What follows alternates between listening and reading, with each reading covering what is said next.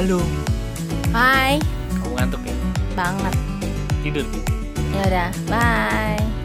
Kita nggak podcast jadi Kamu podcast sendiri. Udah lama ya? nggak seru kalau nggak ada kamu. Iya sih, gue juga aneh ngomong sendiri. Ada yang hilang. Ada yang hilang. Tapi kita pernah loh ada podcast sendiri-sendiri. Iya. Episode berapa ya? Ayo. Nah bagi yang bisa. Ada yang hari gue gantian, ada yang berapa hari gue sendirian tuh dua hari ya. Iya. Tapi ah, Aneh cuman- dah kayaknya. Iya. Karena harusnya podcast kan kita berdua ya. Berdua lagi kita. Nggak tahu. Oke, episode 209. Oke, kita mau ngobrolin soal fenomena menarik. Soal iya. Fenomena ada orang yang nggak tahu, tapi ternyata sukses melakukan. Tapi Nggak. ada yang tahu, tapi ternyata tidak bisa melakukan. Ya Tahu kan? teorinya maksudnya ya. Iya, gitu. Jadi, benar-benar benar. Ada orang yang tahu teorinya tapi tidak melakukan Betul. sehingga tidak berhasil mencapai apa-apa. Betul, tapi, Tapi ada, ada yang nggak orang tahu. nggak tahu teorinya tapi dia melakukan tanpa sadar Betul, dan dia berhasil. betul. Dan ketika dia berhasil kemudian dia baru tahu, Hmm, dia mungkin menyadari kok Oh. susah ya ternyata. Iya. Tapi kok gue bisa ya gitu. betul. Itu kenapa itu? A- a- jadi intinya apa yang akhirnya bisa membuat dia berhasil? Berarti teori itu nomor dua dong. Ya nggak juga sih. Ini Karena sebenarnya kan nggak ada. Buktinya yang Nah, oh iya tahu memang. aja. Sebetulnya yang disasar adalah balik-balik lagi adalah rasa gitu kan. Jadi gue topik ini tuh dapat gara-gara gini. Gue lihat video di Facebook. Videonya itu judulnya This is how Usain Bolt break The world record the world for record 100 meter ya. gitu. Nah, kan Usain Bolt itu kan cepet banget kan gitu. Nah, eh, lari 100 meter di bawah 10 detik, 9,5 detik kalau nggak salah gitu kan. Nah, dan itu tuh sampai sekarang dia masih megang rekor ya gitu. Nah, terus video itu menceritakan tentang teknik-tekniknya secara saintifik gitu ya, secara teori kenapa Analisa ya. analisanya gitu. Kenapa Usain Bolt bisa break the record gitu dan jadi orang manusia tercepat lah di muka bumi. Nah, dimulai dari start. Jadi startnya itu mulai dari tumit, lutut, semuanya tuh sejajar gitu. Sejajar Jadi, eh, 45 derajat gitu ya. Condong ke depan ya. Dan lurus ya. Pose tubuhnya dia itu lurus. Lurus. Betul. Sedangkan lawannya bengkok. Bengkok. Nah, itu katanya eh, dia bisa melontar lebih jauh dari Oke. start aja gitu. Ya. Nah, Terus lanjut. itu aja. Mm-mm. Kalau Itu aja. dipikir-pikir ya, masa iya Usain Bolt mikirin, gue udah lurus belum nih pas start gitu kan? Atuh, yang Udah lain keburu- jalan, Iya. dianya masih masih sibuk ngelurusin. Itu kan kalau gue bilang itu udah naluri ya, udah insting gitu. Iya Ya, kan? Itu yang dia pasti gua jamin dia tidak melakukannya secara sadar Saya gitu kan. iya betul, Ya. betul. Itu Terus? sudah nalurinya yang menggerakkan. Terus Ya. itu eh, angkatan kaki, ya kan? Tingginya angkatan kaki Usain Bolt itu katanya eh apa ya? Pokoknya sangat optimal lah untuk eh, lari ya. bergerak. Terus kecepatan, terus apa lagi? Wah, pokoknya Posisi terus sampai tumpuan eh, tuh iya tumpuan pada saat tumpuan ya. kakinya katanya dia tuh lebih ringan. Jadi Betul. eh, geraknya Nggak lebih cepat. gitu, nah, iya. kalau eh, Lawannya. lawannya itu kalau pada saat ngejejek tekanannya itu lebih besar. Jadi mungkin waktu saat ngangkat juga lebih lama gitu. Bener. Jadi dia tuh si Usain Bolt tuh kayak punya ilmu meringankan Kan badan. tubuh, Apa ya, namanya? betul. Ginkang. ya, itu. itu bukannya buat otak ya ginkang biloba ginkgo, ginkgo. nah gue ngeliat Terus apa lagi ya? ah, Banyak, ya. banyak lah mulai sampai finish pokoknya dari Heeh, start sampai, sampai, finish, tuh dia dibahas tuh sempurna semua Iya. posenya, gerakannya, angkatan kaki. itu sampai di ini loh di didetikin sama mereka jadi per sekian meter Usain Bolt itu bisa mencapai sekian detik dan itu konstan Wow, pokoknya di di detailin Jadi sebenarnya dia tuh udah eh, menang dari start gitu ya intinya. Mm-mm. Dari start 10 meter dia udah le- lebih maju 20 meter 30 meter sampai ke finish. Iya. Ya. Nah gue kan mikir ya. Itu itu semua mustahil. buset. iya kalau dilihat secara teknik gimana waktu kita lari kan nggak mikirin badan gue udah lurus belum nih? Angkatan kaki gue berapa derajat nih? Terus segala macem segala macem. Gue tuh jadi ingat waktu ini. Gue tuh ingat waktu gue SMA SMA itu kan fisika lagi susah-susahnya ya apalagi kelas 1 tuh peralihan dari SMP ke eh, SMA itu kan. Dulu saking susahnya kita teman satu kelas stres itu sampai gini. Ini kalau misalnya ya gua tendang kaki gua mas eh, ke rahang lo itu kira-kira berapa newton? Kan ini nggak namanya orang berantem mah berantem aja jangan-jangan nanti ada lagi yang eh, me Oh. menscientifikan. Ada tuh pasti kalau orang berantem kecepatannya kecepatan Iya. pukulannya kekuatannya itu dayanya kayak lo tau nggak kayak ini eh apa tuh? Iron Man siapa namanya? Sherlock Holmes Sherlock Holmes Sherlock Holmes kan sebelum dia mukul saya akan mukul di bagian ini lalu begini lalu begini lalu begitu lalu nanti gitu akan terkena di bagian ini Iya. sehingga akan melontar ke arah itu Betul. dengan sudut kemiringan ini dan itu akan mengenai itu dan itu nanti akan melontar ke sana iya mengenai ribet banget kan ya kalau orang normal ya, Iya, menurut dan- gua sih nggak begitu juga. Itu kan sudah naluri aja kan gitu. Kayak orang berantem gitu. Orang berantem bisa ngeles, bisa eh, pas mukulnya. Menurut gua ya memang karena bawah sadarnya nalurinya dia yang menggerakkan itu terjadi gitu.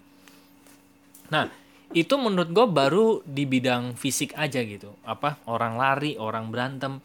Nah, untuk menghadapi ke kehidupan, keseharian, menurut gua naluri manusia itu sebetulnya sudah dibekali sesuatu gitu. Makanya gue bilang tadi ada karena sering kali gini ya. Gue aja deh, gue sama Rusi aja ya. Kalau sekarang gue mikir tahun-tahun dulu-dulu gitu ya, kok bisa ya kita bisa hidup begitu nyekolahin anak di international school dengan kondisi yang seperti itu. Kalau dipikir-pikir gimana gitu? Kalau dipikir ya, kalau lo kita mikirin apa tuh? Eh, Dan pas, manajemen iya. cash flow, terus apa tuh? yang berantakan Iya, dan sangat minus financial management apa segala macam. dan nggak kayaknya nggak masuk semuanya nggak dan nggak masuk akal gitu. iya Kalau dipikir-pikir juga memang logika itu sebenarnya nomor dua gitu nggak sih tapi perlu. ya perlu Iya. gue nggak bilang nggak perlu Betul. kan ah, kalau nggak perlu bilang aja nomor 100 kan gue bilang nomor dua Iya, tapi masih perlu tuh nomor 100 penting Iya, kan penting, iya. gitu Jadi gue cuma mikir iya ya. Ada orang yang nggak tahu tapi ternyata dia bisa melakukan. Gue masih ingat nih. Gue waktu kelas berapa SD ya. gue ada nggak yang begitu Gue Ya, pawai coba. obor. Oke. Pawai obor finishnya di belakang rumah tuh di kejaksaan. Mm-mm. Masih ingat nggak tahu? Nggak tahu kamu? saya nggak ikut Nggak ikut ya? nggak Nah, boleh Zaman tahun segitu 90-an, belakang rumah gua itu angker, dikenal serem lah. Tukang ojek aja dulu males nganterin gue. Gue sebut gitu ya, Pak ke jalan ini. Uh, mereka tuh udah, aduh, nggak nggak mau deh, yang lain aja gitu. Nah, terus dulu kita pawai obor, finishnya di belakang rumah gua tuh ada lapangan gede banget gitu kan. Nah, waktu pulang, mereka tuh pulang ke arah sana lebih jauh lagi. Mereka mau keluar, sedangkan rumah gua ibarat- ibaratnya mereka jalan ke arah barat, rumah gua ke arah timur lah ya gitu. dan kamu sendirian Gue ngikutin mereka ke arah barat dulu. Karena gue pikir mau ke mana? Mau keluar dulu katanya. Oh, gue pas tengah jalan, mereka baru bilang mau pulang nih. Gitu. Waduh, gue udah udah di tengah-tengah kan dan itu gelap banget. Belum ada rumah, belum ada apa. Sekarang aja ada beberapa yang masih gelap kan. Mm. terus Dan akhirnya gue memberanikan diri untuk pulang karena rumah gue udah deket daripada daripada gue ikut mereka nih ada ting ting ting bakso lagi. ini tukang Enak bakso yang sangat konsisten loh Iya. dia selalu lewat di jam yang sama bener nah akhirnya ya udah gue lari kan gue udah gue lari aja tuh lari lari lari lari sampai akhirnya ke rumah gue dan itu gue lari sendirian loh di samping samping nggak ada Kamu motor nggak ada apa. Itu Kamu gue cuma modal obor sendirian? doang. Dan itu gue lari ya. Nggak ada ngos-ngosan sama sekali. Gue ada lari berapa kilo kali itu. Dan nonstop loh. Bener-bener gue nggak nggak ada capek sama sekali. Begitu gue nyampe depan rumah gue puset gue ngos-ngosannya kayak mau mati loh. Aduh gila bener-bener. Tapi gue nggak ngerasa capek waktu gue lari. Dan sekarang kalau gue mikir ya gue lari dari rumah gue ke sono itu lari nggak berhenti dengan kecepatan yang nggak berhenti yang kecepatan tinggi lah ya. Iya. kayaknya gue nggak sanggup nggak usah gua usia gue sekarang ya. Besokan harinya lagi gue mikir-mikir gue dari sini ke sono gue lari nggak berhenti ya. Dengan kecepatan tinggi kayaknya gue nggak bisa deh. Iya. Banyak ya sebenarnya kalau dipikir-pikir kejadian yang begitu yang waktu udah lewat kita baru sadar kok gue bisa ya Wow. ngelakuinnya. amazing Iya, iya, amazing iya, Iya. Tapi kok saya malah jadi ingat waktu kamu nyemplung got ya? kalau itu sih bukan kekuatan lagi Itu kamu bisa bisa naik kenapa? Karena Ya. dibantu atau kamu lompat? lompat Itu bisa Iya. tinggi loh. Lumayan. Iya, jadi segini kan se, Se- seidung. persis persis di hidung gue jadi gue pernah pulang pramuka ya hujan deras banget nah gue sama temen gue jalan sebelah sebelahan persis. Hujan deras banget. Jalan nggak nggak kelihatan tuh jadi air aja gitu. Nah tiba-tiba kan gue lagi ngobrol-ngobrol-ngobrol-ngobrol tiba-tiba bles gue masuk selokan. Terus temen gue jalan aja masih ngobrol gitu kan. Dia nggak tahu temen sampingnya gue udah di selokan. Dan selokan itu setinggi hidung gue. Mungkin kalau gue kelelep gue mati kayaknya itu. Aduh, jangan karena dong. dalam banget gitu Terus? kan nah terus begitu selang berapa langkah empat langkah mungkin temen gue baru nengok.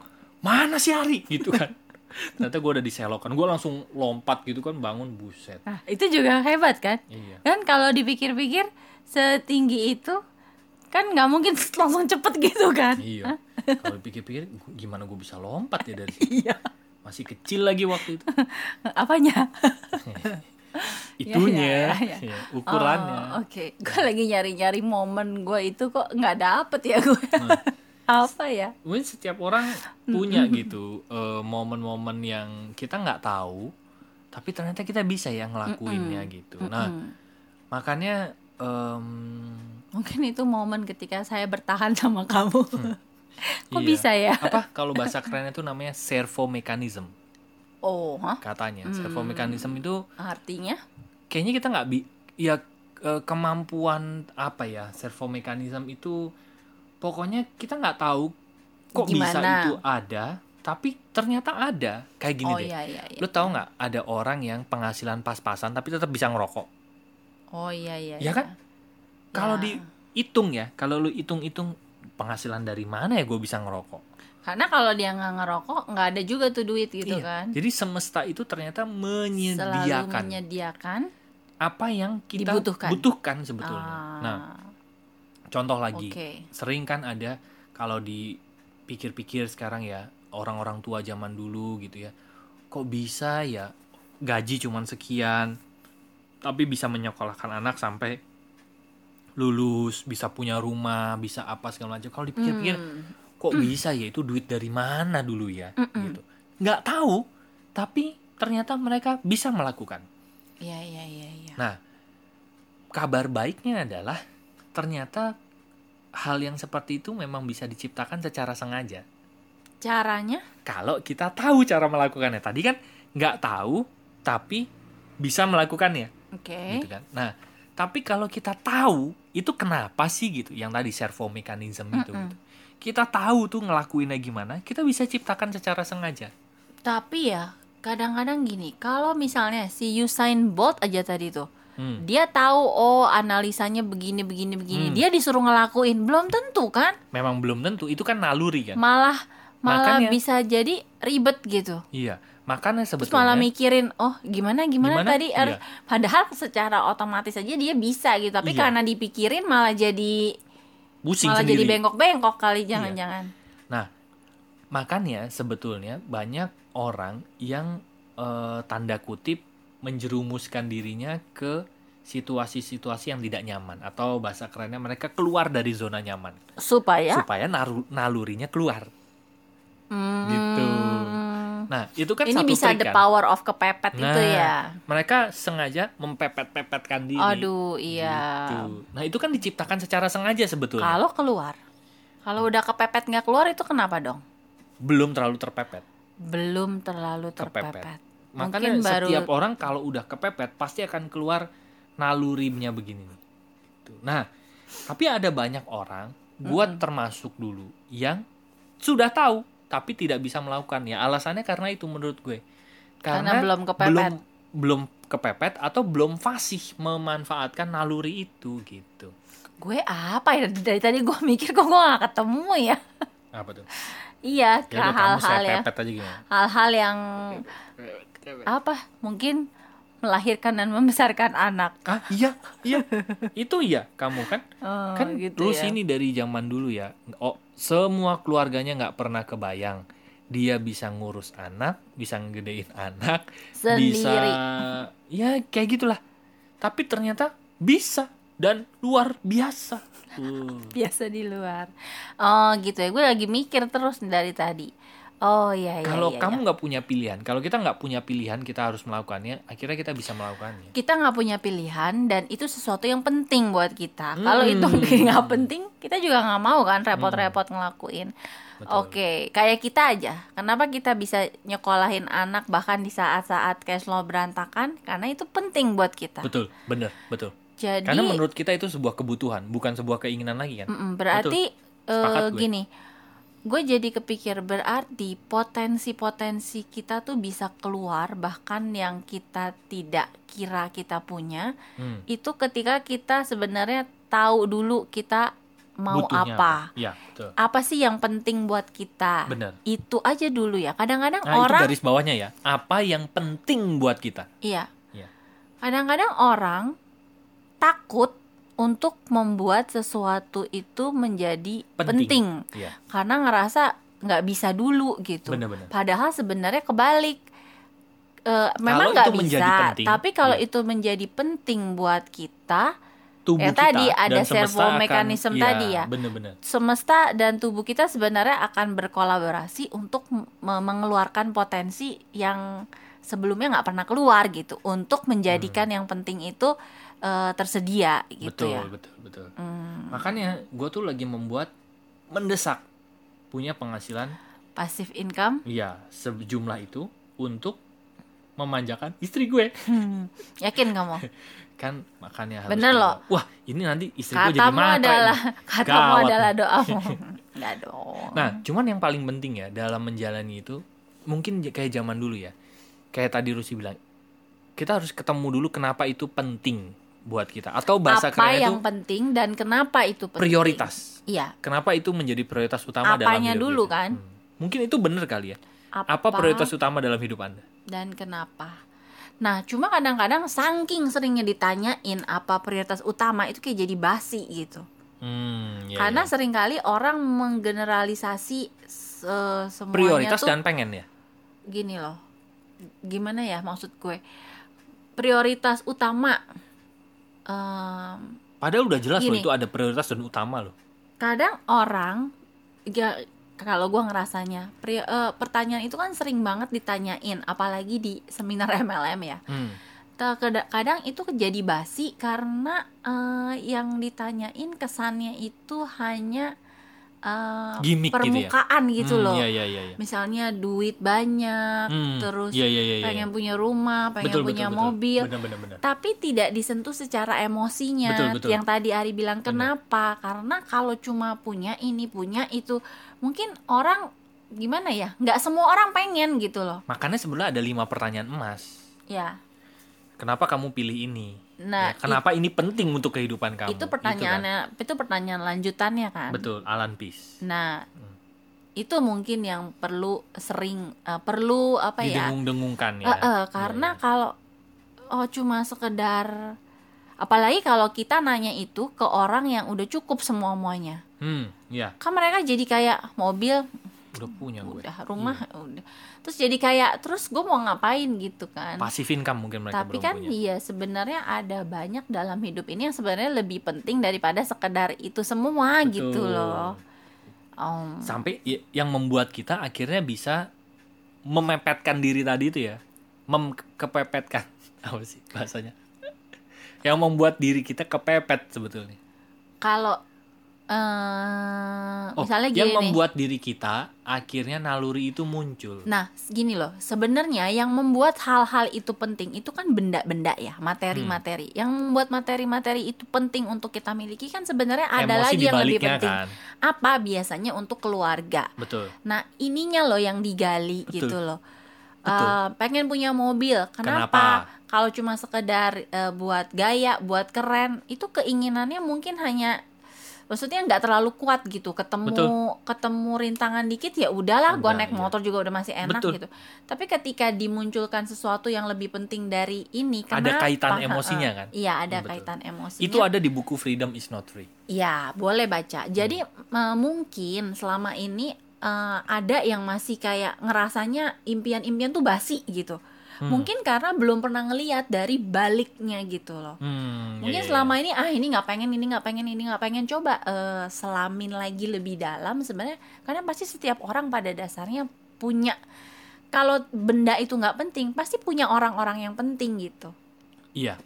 Kalau nggak punya Iya, orang-orang gua- yang penting pun. Iya, iya. pasti diri sendiri punya sesuatu yang penting gitu yang Betul. ya un- at least untuk diri sendiri nah bisa mulai dari situ sebenarnya untuk menentukan apa yang penting baru nanti eh, yang tadi semesta akan membantu untuk memunculkan potensi-potensi diri yang selama ini belum keluar karena Iya. kalau kita belum ketemu sesuatu yang penting ngapain gue repot-repot keluar gitu si potensi-potensi diri ini loh gitu Betul. ah begini-begini aja tapi sebenarnya ya tadi begitu udah tahu apa yang penting itu kayak ke gimana sih keluar Muncul sendiri, sendiri, gitu iya. kan jadi mungkin orang yang selama hidupnya merasa nggak punya prestasi biasa-biasa aja itu bukan karena dianya biasa-biasa aja Hmm. tapi mungkin karena dia belum ketemu sesuatu yang penting yang membuat dia merasa ya harus mencapainya Betul. yang akhirnya mengeluarkan potensi terbaik dari dirinya Betul, gitu. betul.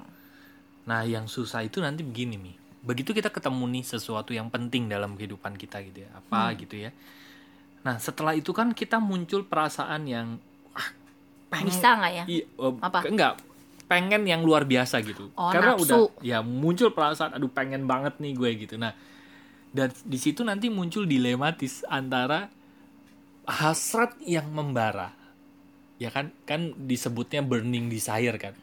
Bener-bener pengen untuk mendapatkannya dan satu perasaan lagi adalah perasaan let go. Itu satu gini satu bentuk iya yang menarik sebetulnya. jadi semua semua itu kan step by step kalau Hmm. kita pikirin semuanya sekaligus akhirnya kita akan ngerasa susah rumit akhirnya Iya. udahlah gue nggak usah ke mana-mana nggak apa-apa jadi maksudnya eh, jangan pikirin semuanya sekaligus pertama oke munculin dulu apa tadi yang penting, Hmm. Yang penting, ini iya. ini ini terus kalau udah potensinya keluar dan kemudian Ari bilang tadi keluar antara keinginan dan eh, Nafsu. kemampuan untuk eh, melakukan yang terbaik tapi sekaligus ikhlas gitu kan Hmm. itu kan Itu kan seimbangnya paling penting kan? Iya, seimbangnya udah Betul. tingkat berikutnya kan Bener-bener. ya Dan nggak mudah.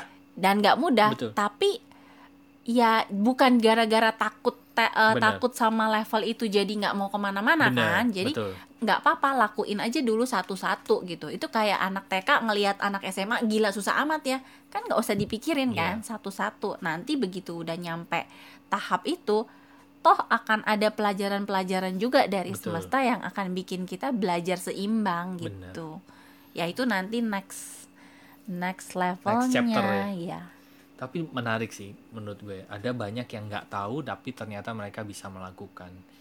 Tapi memang ada satu bagian lagi yaitu orang-orang yang tahu tapi ternyata tidak bisa melakukan. Nah ini biasanya terjadi nanti setelah kok gue bisa yang ngelakuinnya. Terus akhirnya mereka belajar sesuatu gitu kan.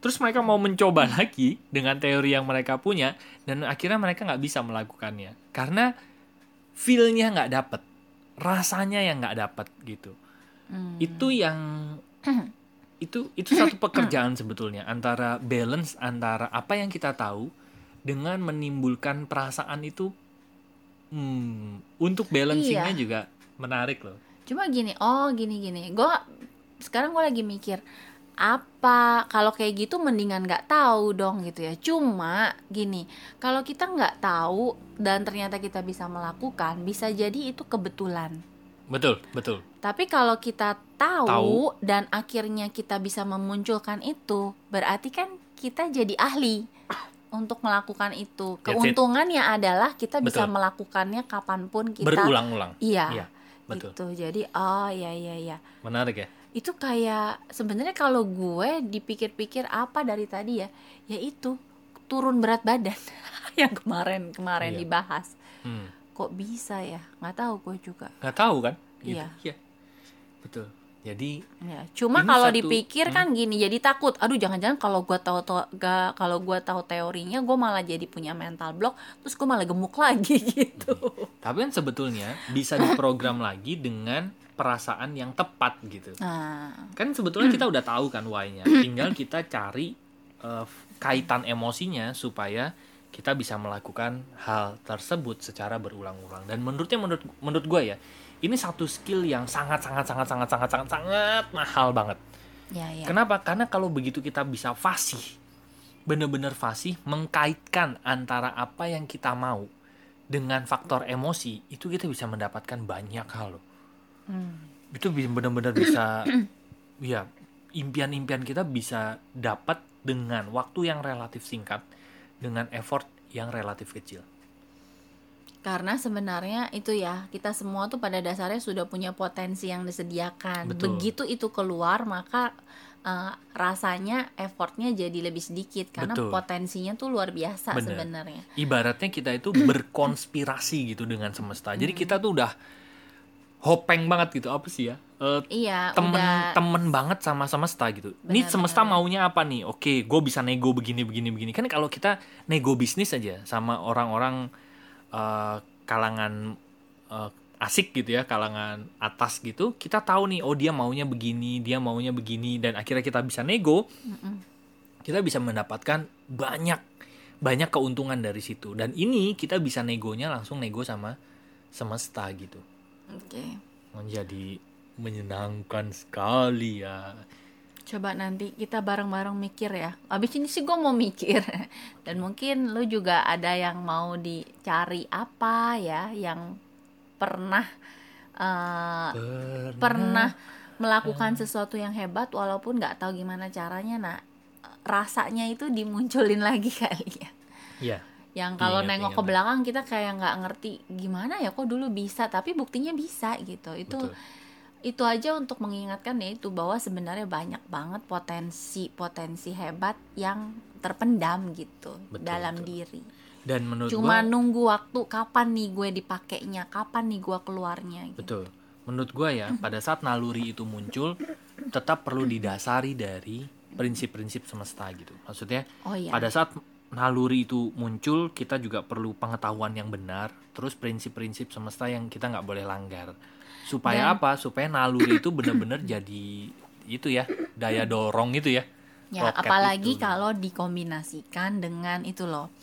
Apa? Power versus force itu iya dengan eh, perasaan-perasaan yang mendukung muncul energinya besar. Jadi kita udah punya alasan, terus ditambah kita melakukannya dengan perasaan yang benar, energinya besar, itu sih yang saling iya eh, apa berkolaborasi. iya oke deh nah teman-teman ada nggak pengalaman-pengalaman yang Ya kan tadi nggak tahu nanya. oh iya nggak tahu tapi ternyata bisa melakukannya dan mau ngobrol-ngobrol bareng kami atau teman-teman punya impian yang gimana ya cara mencapainya ya dan mungkin mau memfasihkan diri untuk eh, mensinkronkan dengan perasaan ini mau ngobrol-ngobrol dengan kami silahkan masuk ke website kami yaitu Lompatanhidup.com nanti ada tiga page di sana ada home, counseling dan event dan bisnis. bisnis. Silahkan masuk sesuai dengan kebutuhannya teman-teman. Untuk yang home, bagi teman-teman yang pengen chit chat ya dengan apa pun itu gitu ya, nanya-nanya juga boleh klik aja yang home. Terus kalau yang counseling dan event bagi teman-teman yang mau melakukan sesi terapi,